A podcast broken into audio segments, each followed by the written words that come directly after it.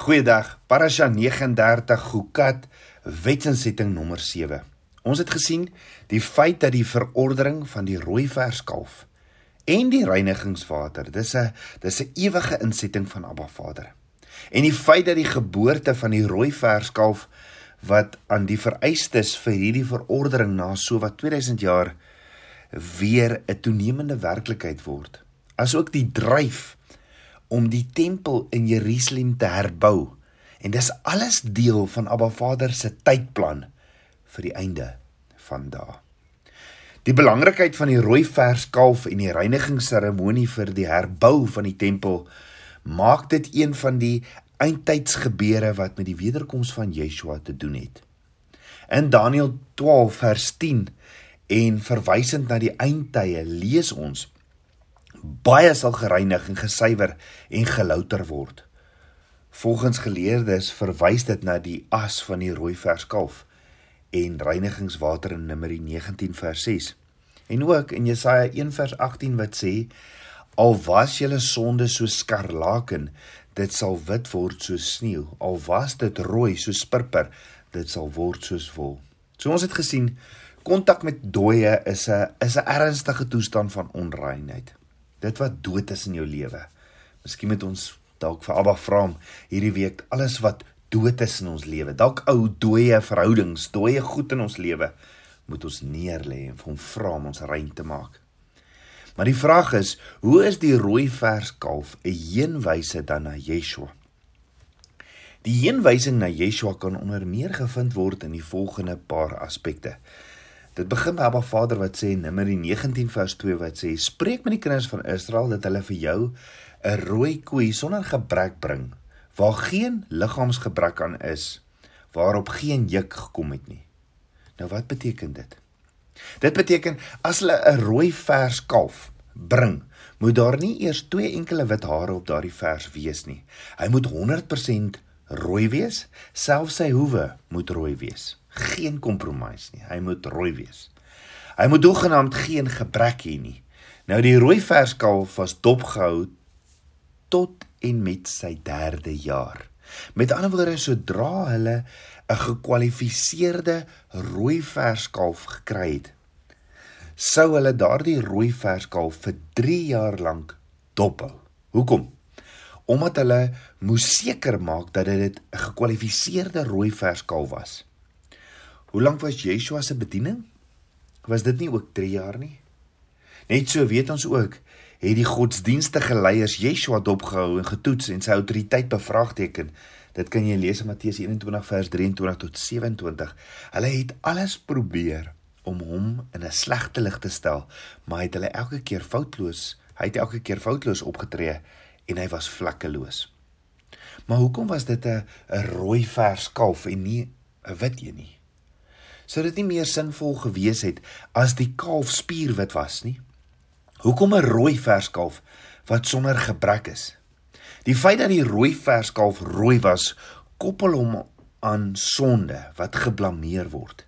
Jy sien rooi verteenwoordig sonde en dood, terwyl wit waarheid, lewe en die regverdige dade van die heiliges Openbaring 3 ag Openbaring 19 vers 8 voorstel. Die rooi verskalf het al die sonde, die onreinheid van die kinders van Israel op hom geneem. Daarom kon dit nie wit wees nie. Want wit reg deur die woord verteenwoordig geregtigheid, suiwerheid en volmaaktheid en jy verbrand nie iets wat perfek is nie. Want hy mos onder want want hy moes ondersoek word. So kan ek weer vra, waarom was dit 'n rooi vers kalf offer en nie 'n witte nie? Omdat Yeshua geoffer is bloedbelope. Van kop tot tone was sy liggaam verskeur. En jy kon niks anders sien as bloed nie. Jesaja 53 vers 7 sê hy is mishandel hoewel hy onderworpe was en hy het sy mond nie oopgemaak nie soos 'n lam wat na 'n slagplek gelei word. Dit is 'n perfekte rooi verskalf, rooi wat aan sonde en bloed gekoppel word wat buite die kamp geoffer moes word vir ons sonde. En dan sê Numeri 19 vers 3 en julle moet haar die rooi verskalf aan die priester Eliezer gee en hulle moet hom Hulle moet haar buitekant die laar uitbring en voor hom slag. Nou ons het gesien net so was Yeshua by drie kamp gekruisig. Maar die rooi verskalf word eers aan die hoofpriester oorhandig voordat hy geoffer word vir ondersoek. Yeshua is aan Kajafas die hoofpriester oorhandig vir ondersoek voor hy gekruisig is. Waarom moes Yeshua vir Kajafas oorgehandig word vir ondersoek? Dit is presies wat nodig was om die rooi verskalf of offer te kwalifiseer. OK, so wat het gebeur die nag voordat Yeshua gesterf het? Het hulle hom voor Kajafas die hoofpriester gebring? Ja, maar waar? By Kajafas se huis nie ver van die tempel af nie. Maar waar het hulle vir Yeshua gaan kry? By die Olyfberg in die tuin van Getsemane waar hy saam met Johannes, Petrus en Jakobus gebid het, nê? Wat is nou weer tussen die Olyfberg en die berg Moria? Die Kidron Vallei. En wat is daarso? Grafte. Sou die priesterowerhede, Yeshua, Johannes en Petrus wat saam met Yeshua na Kajafas toe gegaan het, van die Olyfberg af stap deur grafte na Kajafas se huis toe wat nie ver van die tempel af was nie? Nee. Raai waar deur moes hulle stap om by Kajafas se huis te kom? Deur die Mifkan hek, die inspeksie inspeksie hek, daar waar almal getel is. Die een ding wat Yeshua sou gediskwalifiseer het as die rooi verskalf was, onthou, 'n rooi verskalf mag nie 'n juk gedra het sodra hy gekwalifiseer het as 'n rooi verskalf nie. As hulle dan 'n juk op die rooi verskalf sou sit, sou dit hom gediskwalifiseer het. Met ander woorde, sodra die rooi verskalf gekwalifiseer het, kan hy van daardie oomblik af gediskwalifiseer word as daar 'n juk op hom gesit is.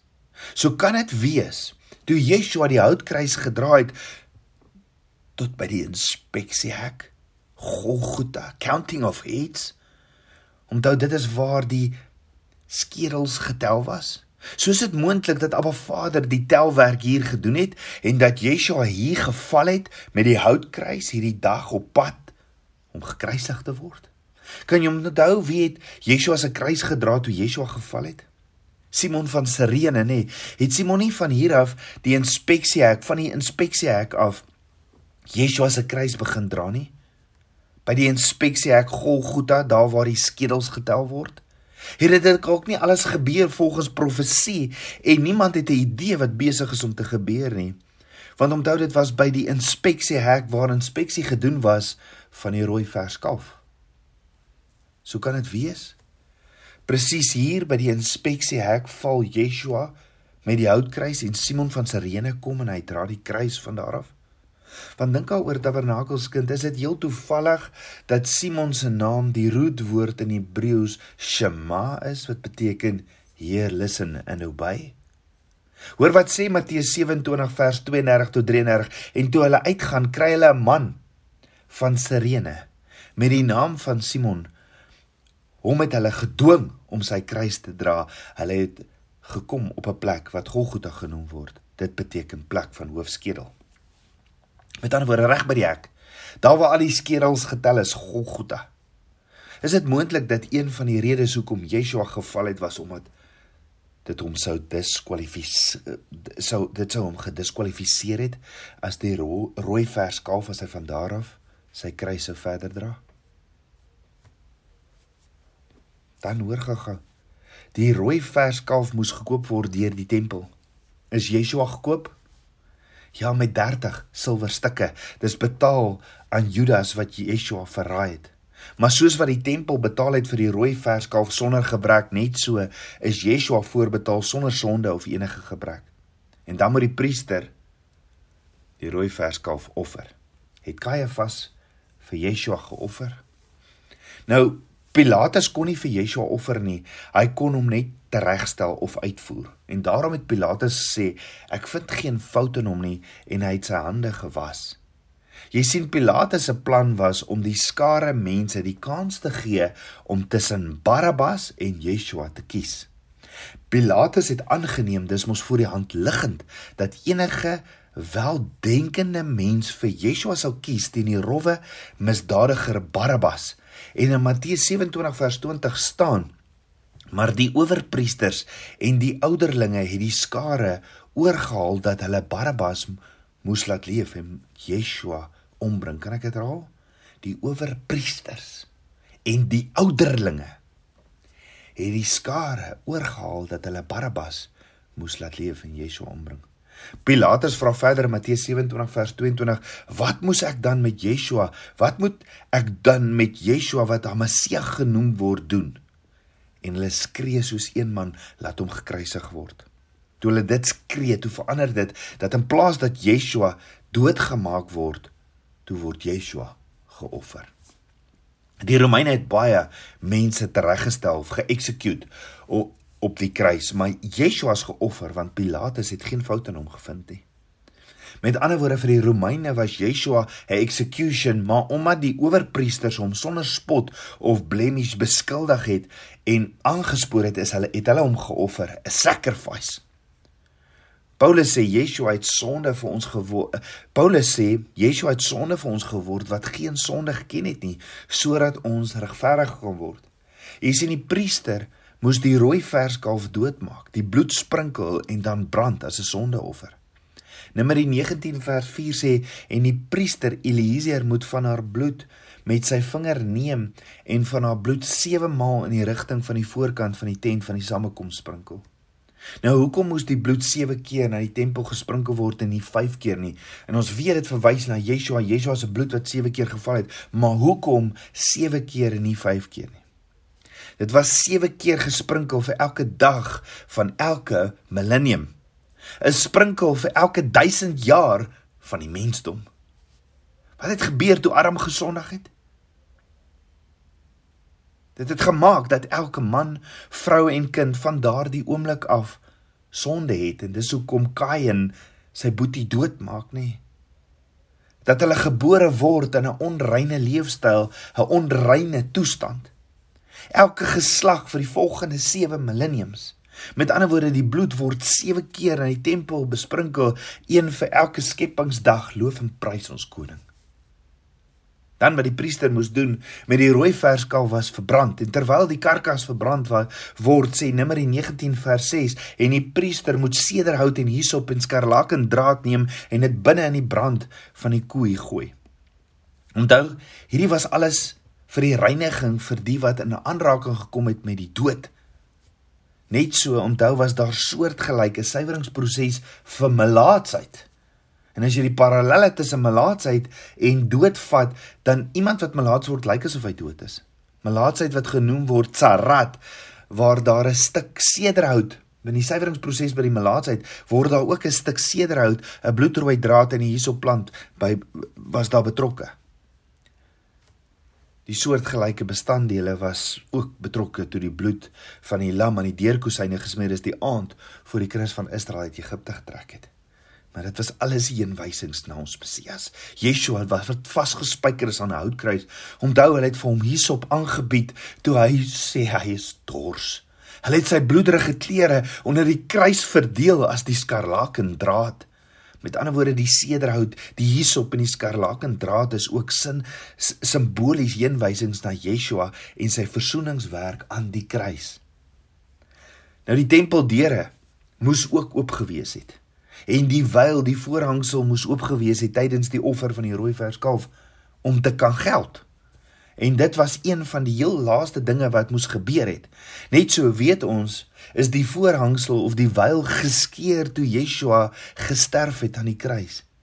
Het jy geweet dat die voorhangsel 10 cm dik was? Dit het 300 priesters geneem om die voorhangsel of die wyl op te hang want die tempel was amper 10 meter hoog. Nou in Matteus 27 vers 31 staan en kyk, die voorhangsel van die tempel het in twee geskeur van bo tot onder en die aarde het gebewe en die rots het geskeur. So die toe die wyl geskeur het, kon omtrent almal in die allerheiligste inkyk want hy was 10 meter hoog. En in in die allerheiligste is waar Abba Vader saam met die kinders van Israel gewoon het.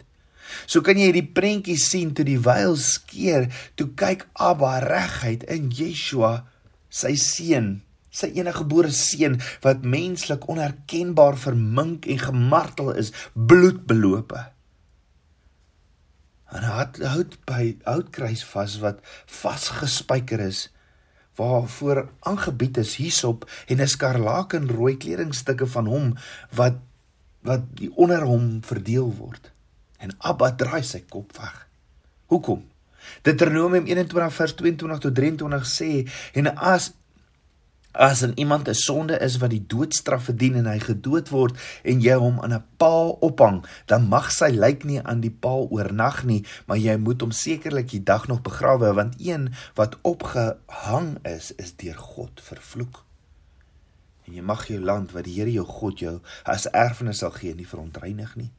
Iemand wat aan 'n paal gehang word is deur Abba Vader vervloek en toe draai Abba Vader sy kop van sy seun af.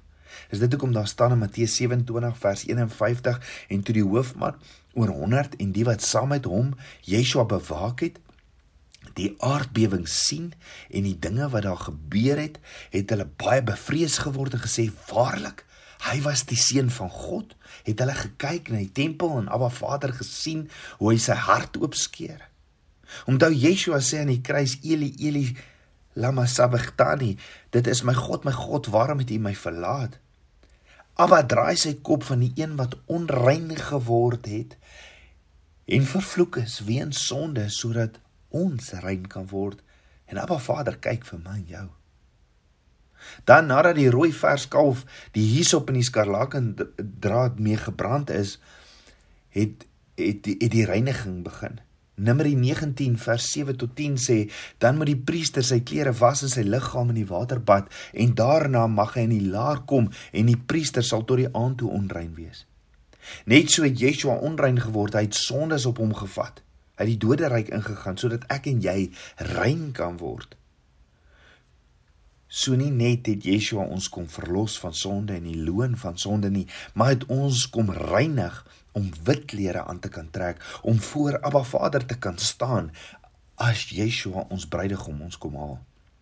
Yeshua sê in Openbaring 3 vers 5: Wie oorwin sal bekleë word met wit klere en ek sal sy naam nooit uitwis uit die boek van die lewe nie en ek sal sy naam bely voor my Vader en voor sy engele oorgegee die priester kon nie hulle werk doen as hulle onrein was as gevolg van dood nie. Daarom wag die die die geloof Juda Juda Judaïsme wag vir die Messias want hy's die enige een wat hulle kan rein verklaar.